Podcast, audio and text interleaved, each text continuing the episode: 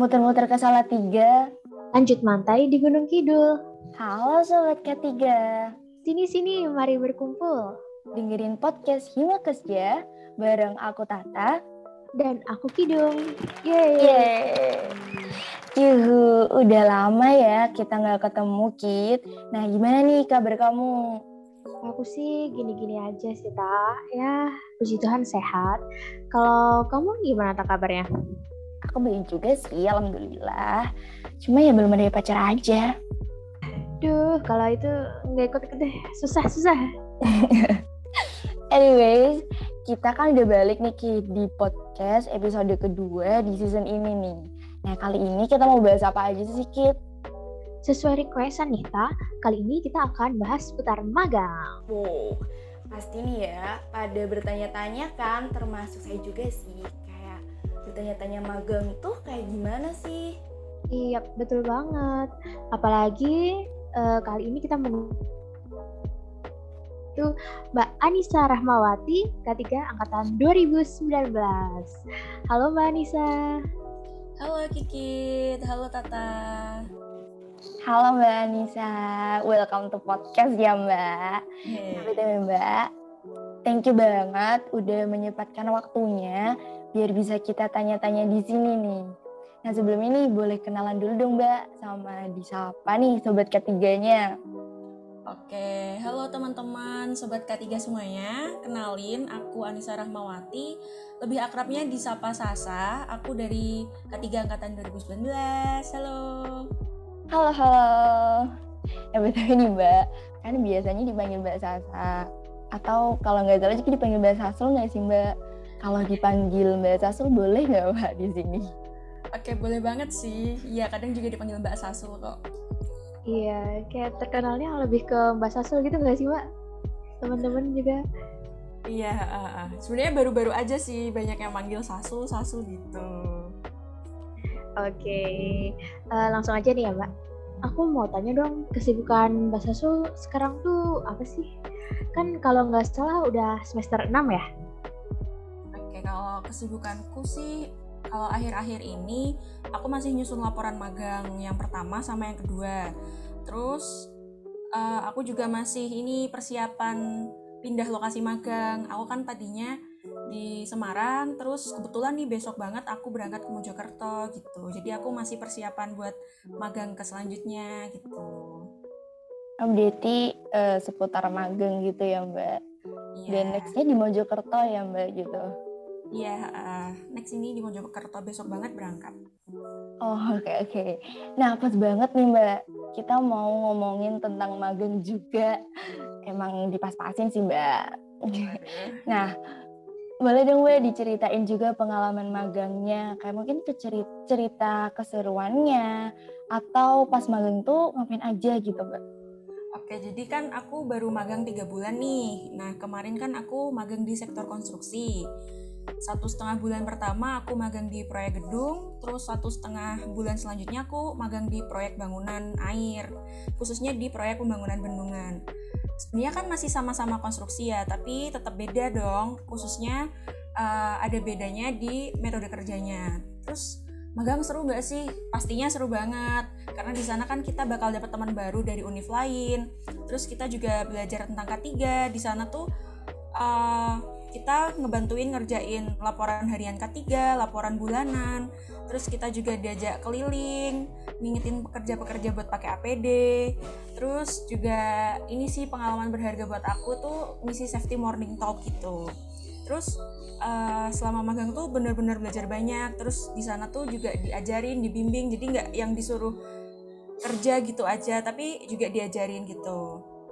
Nah tapi sebenarnya tuh realita di lapangan itu nggak semuanya sama kayak teori pas kuliah. Jadi ya jangan saklek dan disamain lah sama teori pas kuliah gini pas gini gitu. Tetap ada bedanya gitu.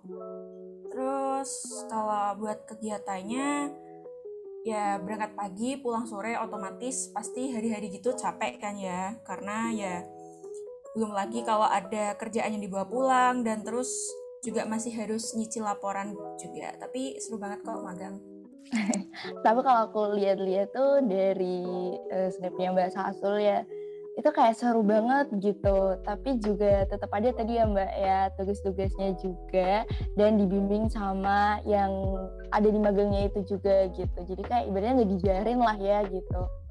Nah, jadi kan tadi aku yang cerita itu kan, kalau kita diajak keliling. Nah, kebetulan kan waktu aku di proyek yang gedung kan kalau keliling itu kita ya udah kita keliling sendiri. Nah, karena yang kedua ini aku di proyek bendungan karena lokasinya tuh luas dan gede banget. Jadi kalau keliling di sana tuh pakai mobil, diajak ke lokasi A, ke lokasi B gitu. Serunya sih di situ. Terus ya itu tadi dapat teman dari univ lain. Jadi kan nambah relasi kan ya gitu. Sumpah sih kalau aku denger sih seru banget ya ta jadi pengen nggak sih ta bener-bener seru banget sih ya mbak untuk di D4 K3 UNS sendiri tuh magang tuh dimulai dari semester berapa ya mbak? Hmm, kalau mulai angkatanku kan kurikulumnya udah beda ya. Jadi dimulai dari angkatan 19 tuh magangnya jadi tiga semester. Nah yang semester 5 ini yang pertama nanti itu bakal ada magang UKK. Jadi nanti sistemnya dari prodi tuh udah ngebentuk kelompok magang dan udah diplot lokasinya. Terus kalau angkatanku itu ada 8 kelompok sama tiap kelompoknya itu ada 10 orang. Kalau tempatnya itu di puskesmas di bawah naungan Dinas Kesehatan Karanganyar. Jadi lokasinya tuh semuanya di, ada di Karanganyar. Cuman kan Karanganyar luas ya, ada yang di kota sama ada yang mungkin di desa gitu. Ya nggak desa banget sih, tapi ya jauh lah gitu. Uh, nah di magang UKK ini tuh outputnya lebih ke nanti kalian tuh membentuk pos UKK di industri informal yang ada di bawah naungan puskesmas itu tadi. Nah kalau kemarin aku tuh kedapatan puskesmas di Tasikmadu, jadi masih di kotanya. Dan waktu itu kedapatan membentuk pos UKK-nya di gabungan kelompok tani. Terus selain membentuk pos UKK, Kemarin juga waktu magang semester 5 kita juga memberikan simulasi tanggap darurat kepada industri informal yang kita tempati itu. Selain itu kita juga uh, sosialisasi tentang bahaya kerjanya sama uh, tentang first aid gitu. Kurang lebih kalau yang semester 5 gitu sih uh, pada intinya membentuk pos UKK di industri informal. Terus kalau yang semester 6 ini uh, ini kan magangnya full 6 bulan. Jadi di magang semester 6 ini tuh nanti bakal apply matkul yang udah ditentuin sama prodi.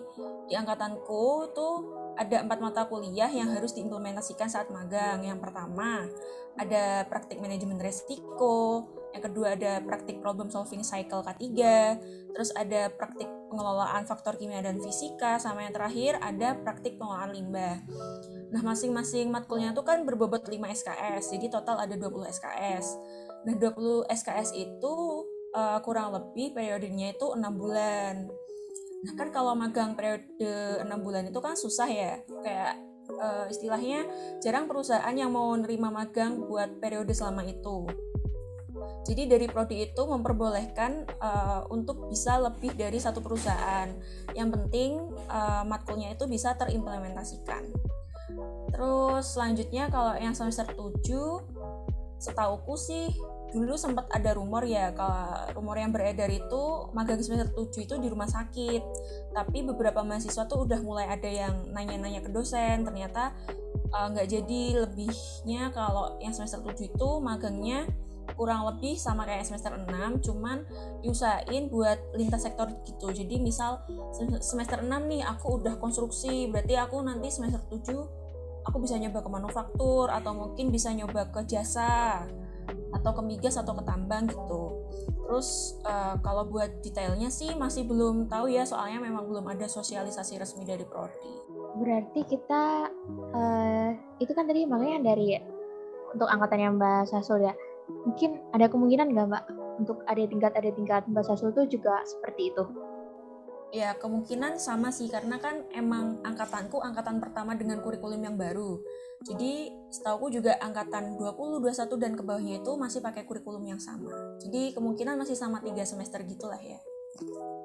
Oke, gak sabar ya. Gak sabar gak tah? Gak sabar sih dari tadi diceritain juga sama Mbak Sasul.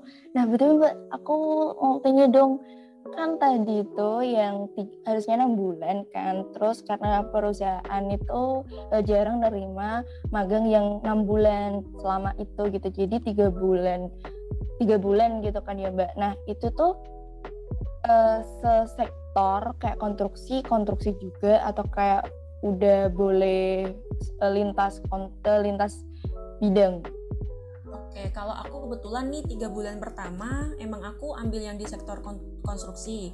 Terus kalau yang tiga bulan selanjutnya ini aku pindah ke sektor manufaktur. Tapi manufakturku yang itu juga sebenarnya masih ada hubungan sama konstruksi karena manufaktur beton gitu. Oh, sebenarnya agak belum ada gambaran juga sih Mbak, tapi ini sebuah info yang tetap bermanfaat buat kita. Nah, BTW nih Mbak, uh, buat administrasi magang yang dari prodi nih yang perlu dipersiapkan tuh apa aja sih mbak kayak misal berkasnya dan lain-lainnya Oke, kalau terkait administ administrasi magang yang perlu disiapkan itu ada proposal pengantar. Isinya tuh kayak lebih ke maksud dan tujuan kalian magang di tempat ini tuh mau ngapain? Terus kalian tuh uh, mau belajar tentang apanya? Kalau yang aku semester 6 ini kan udah ada matkulnya nih jadi ya udah tinggal ditulis mau implementasi matkul apa gitu. Terus dicantumin juga periode lama magangnya kalian itu mau berapa lama. Terus jangan lupa nih di proposal itu nanti kita ngelampirin CV sama transkrip nilai. Nah, untuk transkrip nilai ini nanti tuh bisa minta ke bagian admin prodi. Terus untuk sel selain proposal ada juga surat pengantar magang. Kalau di angkatanku sistemnya itu ngelis di spreadsheet yang udah disediakan sama prodi. Nah, uh, eh, FBI karena suratnya tuh turunnya beragam, ada yang cepet, ada yang lama, jadi harus sering-sering di follow up. Terus mungkin terkait kalau magang yang di luar prodi nih kalau kalian pengen magang mandiri sebenarnya kalau dari prodi itu kan udah nggak ngebolehin magang mandiri ya. Tapi karena aku kemarin sempat magang mandiri karena ngajuinnya dari awal banget sebelum ada pengumuman nggak dibolehin magang mandiri jadi uh, mungkin aku spill aja prosesnya siapa tahu di selanjutnya tuh udah boleh magang mandiri. Jadi kalau magang mandiri itu kurang lebih alurnya kan sama. Kayak kita uh, nyari tahu perusahaan ini buka tempat magang nggak sih? Buka lowongan magang nggak sih? Terus kalau udah mungkin bisa ditanyain syarat dan ketentuan berkasnya yang diminta seperti apa. Tapi biasanya berkas yang diminta itu kurang lebih sama. Kayak surat pengantar dan proposal aja. Kalau untuk surat pengantar uh, kalau kita pengen magang mandiri itu mintanya bisa ke SV nggak dari prodi gitu sih. Jadi memang harus dipersiapkan dengan baik banget gitu bener jangan sampai ada yang kelewatan gitu loh. Terus tadi kan aku juga bilang kalau suratnya tuh turunnya beragam ada yang cepat ada yang uh, lama gitu kan. Nah itu tuh uh, mungkin kalian tuh kayak bisa jaga-jaga kalau misal kalian nggak keterima di perusahaan A ya kalian tuh udah mulai ngelis suratnya itu misal langsung ngelis tiga perusahaan tapi tetap ngajuinnya harus satu-satu gitu karena menghindari yang namanya di blacklist gitu. Oke oke siap mbak ini harus dicatat dan juga didengerin dengan baik ya. Nah oke okay, bisa nih dilanjut buat Kikit. Untuk magang yang di luar prodi, Mbak Nisa dulu tuh apply ke berapa perusahaan sih Mbak? Uh, maksud aku yang dari prodi itu Mbak, yang yang tadi enam bulan itu apply-nya di berapa perusahaan gitu? Oke, kalau yang kemarin semester 6 ini aku tuh apply kurang lebih ke 10 tempat. Apply di situ maksudnya uh, yang udah aku maksud masukin berkas. Kalau yang di luar masukin berkas kayak masih cuma nanya-nanya doang, mungkin bakal lebih banyak sih. Wah, berarti banyak juga ya, Mbak ya? Iya, soalnya kan uh, juga ini kan ngepasin kemarin itu kan kasus COVID yang Omikron itu sedang naik-naiknya. Jadi yaitu banyak perusahaan yang nggak ternyata awalnya bilang buka terus ternyata nggak nerima anak magang gitu. Makanya aku uh, apply-nya lumayan banyak di tempat itu.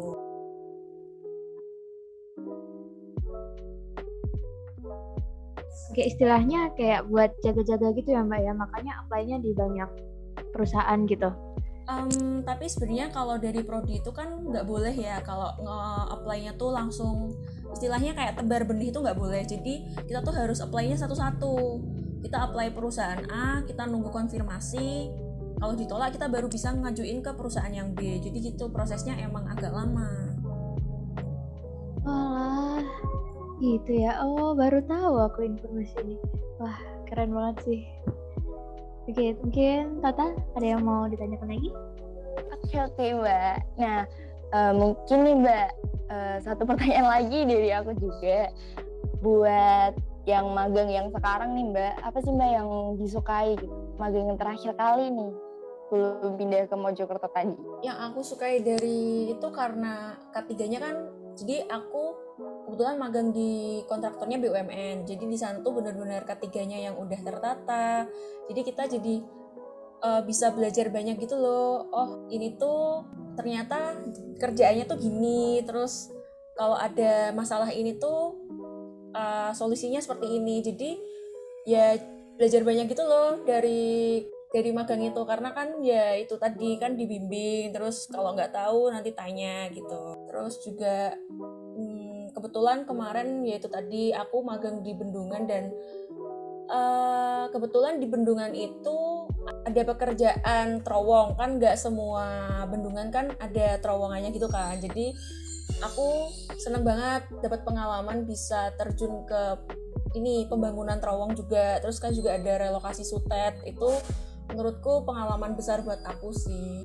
Keren juga ya mbak ya. Betul ini Kit. Uh, menurut kamu nih kamu pengen juga nggak sih buat uh, magang kayak Mbak Mbak Anissa gitu? Pengen banget sih lah. Apalagi dengar Mbak Sasul yang dari Semarang, dari Jawa Tengah pindah ke Mojokerto yang Jawa Timur berarti kan kayak istilahnya kita kayak jelajah Indonesia gitu kan ya Mbak ya? Iya benar. Seru gitu. Iya seru. Oke, bayanginnya kayak bakal seseru itu magang gitu. Oke, Mbak, terakhir nih. Pesan untuk adik tingkat. Nah, bu buat adik tingkat, baik yang lagi mau magang maupun adik tingkat yang baru aja nih masuk ke D4 ketiga, siapa tahu mereka juga kepo-kepo dan dengerin podcast ini kan, Mbak. Boleh nih, Mbak Sasu kasih pesan untuk adik tingkat. Oke, jadi uh, kalian tuh jangan minder, jangan takut karena prodi ketiga ini tuh benar-benar prospeknya tuh bagus banget dan emang di seluruh tempat itu dibutuhkan yang namanya K3. Nah, mungkin uh, terkait magang ini aku pengen pesan buat ke teman-teman khususnya angkatan 20 mungkin yang mau bentar lagi mau magang kalian mungkin bisa mulai dipikirkan kalian pengen magang di mana. Kalian tuh bisa tanya-tanya ke cutting atau mungkin ke alumni jauh-jauh sebelum kalian magang. Karena ya itu tadi uh, jangan sampai kalian tuh magang tapi ternyata di, di perusahaannya itu nggak ada ketiganya gitu loh. Jadi kalau bisa kalian tuh magang di tempat yang mungkin cutting atau alumni kalian tuh kerja di situ atau mungkin cutting kalian yang udah pernah magang di situ jangan sungkan-sungkan lah ya kalian kalau pengen nanya-nanya apa pun itu ke cutting atau ke alumni. Terus jangan pernah berpikiran magang semenakutkan itu. Magang tuh seru banget karena bakal dapat pengalaman dan di sana tuh pasti diajarin dan dibimbing. Terus buat teman-teman angkatan 21 atau mungkin adik-adik yang baru masuk gabung di K3 tetap semangat belajarnya dan eh, rajin-rajin uh, belajarnya ditekuni karena yang apa kita pelajari itu uh, benar-benar berguna banget uh, saat kita magang bahkan saat kita kerja nanti. Oke, okay. mantap banget Mas Hasil tuh tak dengerin jangan minder karena kita K3 gitu kan ya.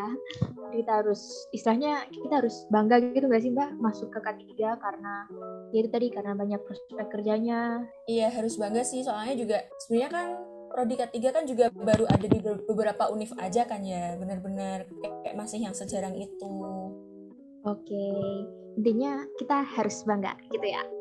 Itu ta, denger ta, kita harus bangga. Siap-siap, udah ibaratnya udah aku tanamin di hati ya, bangga sebagai adik ketiga. Nah oke nih Mbak, uh, kita udah ada di akhir podcast ini. Thank you banget Mbak Anissa udah berbagi sedikit cerita magangnya dan juga sharing beberapa hal tentang magang di prodi kita.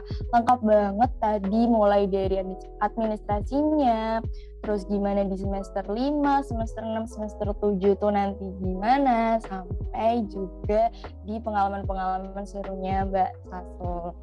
Nah, semoga lancar magang dan skripsinya, Mbak, dan sukses selalu untuk karir ke depannya, Mbak Salso. Amin. Amin. Amin. Ya Allah, makasih banyak ya doa-doa baiknya. Semoga kembali lagi buat kalian, lancar-lancar kuliahnya, dan sukses terus lah buat kalian. Uh, sukses karir, ya pokoknya sukses selalu lah buat ke depannya. Amin, amin banget. Makasih ya, Mbak Sasul. Gimana Sobat ketiga episode kali ini. Nggak kalah keren kan ya? Kita jadi lebih tahu gambaran magangnya nanti. Bener banget, Kit. Ibaratnya nih, kita udah dapat bocoran tipis-tipis lah ya. Nah, oke, okay. seperti biasa, kita lanjut ke segmen titipan ya.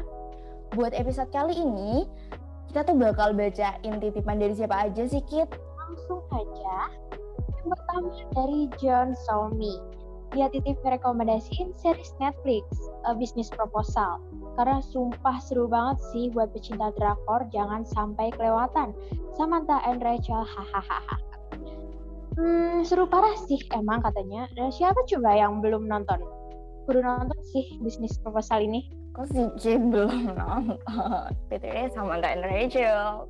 Nah, oke, okay, kita lanjut ke titipan kedua. Ini dari aku untuk kamu. Ini beliau nulisnya begitu ya guys. Nah isi pesannya, adik cinta tak selamanya indah adik. Sekian dan saya jomblo. Waduh mohon maaf nih ya konsepnya bagaimana ini? Akunya siapa? Kamunya siapa dikit? Aduh dari siapa sih? Ngakak banget. Jadi kepo dah nih sendernya siapa? Gak tahu juga deh. Anyway, thank you ya udah berpartisipasi di titipan. Lanjut, Kit. Oke. Okay. Terakhir ada titipan rekomendasi film dari Tian. Tian ngerekomendasiin Little Forest karena nih film bener-bener adem banget. Kim Terry nanti masak-masak. Healing beneran lah, pokoknya ringan banget. Hmm, boleh juga nih yang gabut-gabut, yang sekedar mau refreshing sebentar, bisa banget nonton Little Forest rekomendasi dari Tia. Menurut aku ini approved banget ya nih film. Iya kah? Iya, please sumpah Kamu tuh harus nonton sih kalau belum nonton. Oke, masuk deh ke daftar list buat nonton. Harus ya. Nah, itu tadi titipan dari Sobat K3 tenang-tenang, kita masih ada beberapa titipan yang emang belum dibacain ya. Tapi tetap bakal kita bacain di episode selanjutnya kok. Oke guys, tenang aja ya. Dan segitu dulu podcast episode kali ini. Thank you banget yang udah dengerin dan mohon maaf apabila ada kesalahan ya. Hmm, ya namanya manusia ya dan kita juga bukan rokok jadi kita tidak sempurna. Nah, jangan lupa juga cek Instagram Himakes ya buat update seputar info menarik lainnya. Aku Tata. Dan aku Kiduk, pamit undur diri. Sampai jumpa di podcast selanjutnya. Bye-bye Sobat Ketiga. Bye.